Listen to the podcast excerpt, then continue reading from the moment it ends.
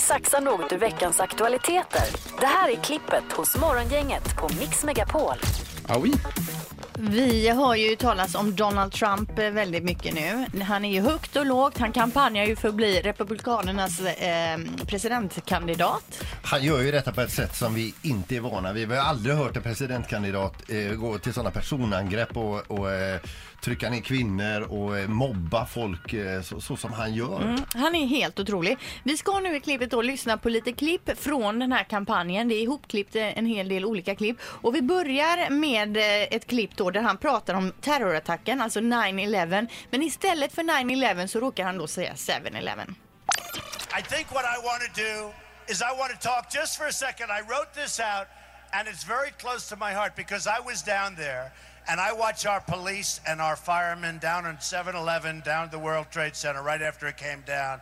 Well, I think she's a terrible spokesperson. I watched that and I thought it was terrible. I thought her performance was terrible. And I really think she is not a good spokesperson for whoever she's representing. And frankly, uh, you know, I hope she stays in that position, assuming I get it, assuming I win. I just hope she stays in that position because she is so bad at representing the views of the Democrats that it's absolutely incredible. If I decide to run, you'll have the great pleasure of voting for the man that will easily go down as the greatest president in the history of the United States. Me, Donald John Trump. Part of the beauty of me is that I'm very rich. Rosie O'Donnell's disgusting. I mean, both inside and out. You take a look at her; she's a slob. She talks like a like a truck driver. I'm actually a nice person.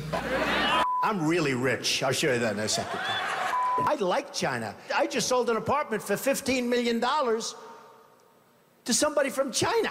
I'm really rich. Five billion we spent on a website. I hire people. They do a website. It costs me three dollars.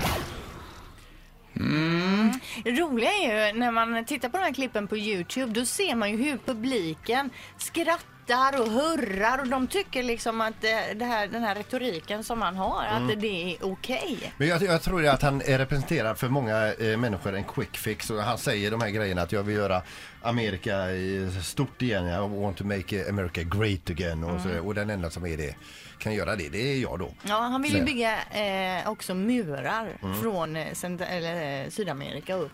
Han är ju den man röstar på. Han är ju missnöjeskandidaten skulle man ju kunna säga. Ja. De som är missnöjda, de väljer att rösta på Donald Trump. Här hemma kan man ju inte fatta att man kan rösta på honom. Men Nej. alltså, otroligt många Han borta i säger USA. ju i det här klippet också att Rosie O'Donnell, det, är ju den här, hon är ju, vad är hon, eh, talkshow-host och skådis, att hon är en fat ugly slob. Ja. Alltså, och honom ska de ha som president, det är ju ett skämt. Tänk om Löfven skulle sagt så Ja men om verkligen, eller någon. Obama. Ja, I nej. mina öron låter det mer som att han är en krigshetsare, han är rasist, han är mobbare, han är narcissist och han är en självutnämnd påve. Men han är kanske Amerikas nästa president Ja. också. Precis.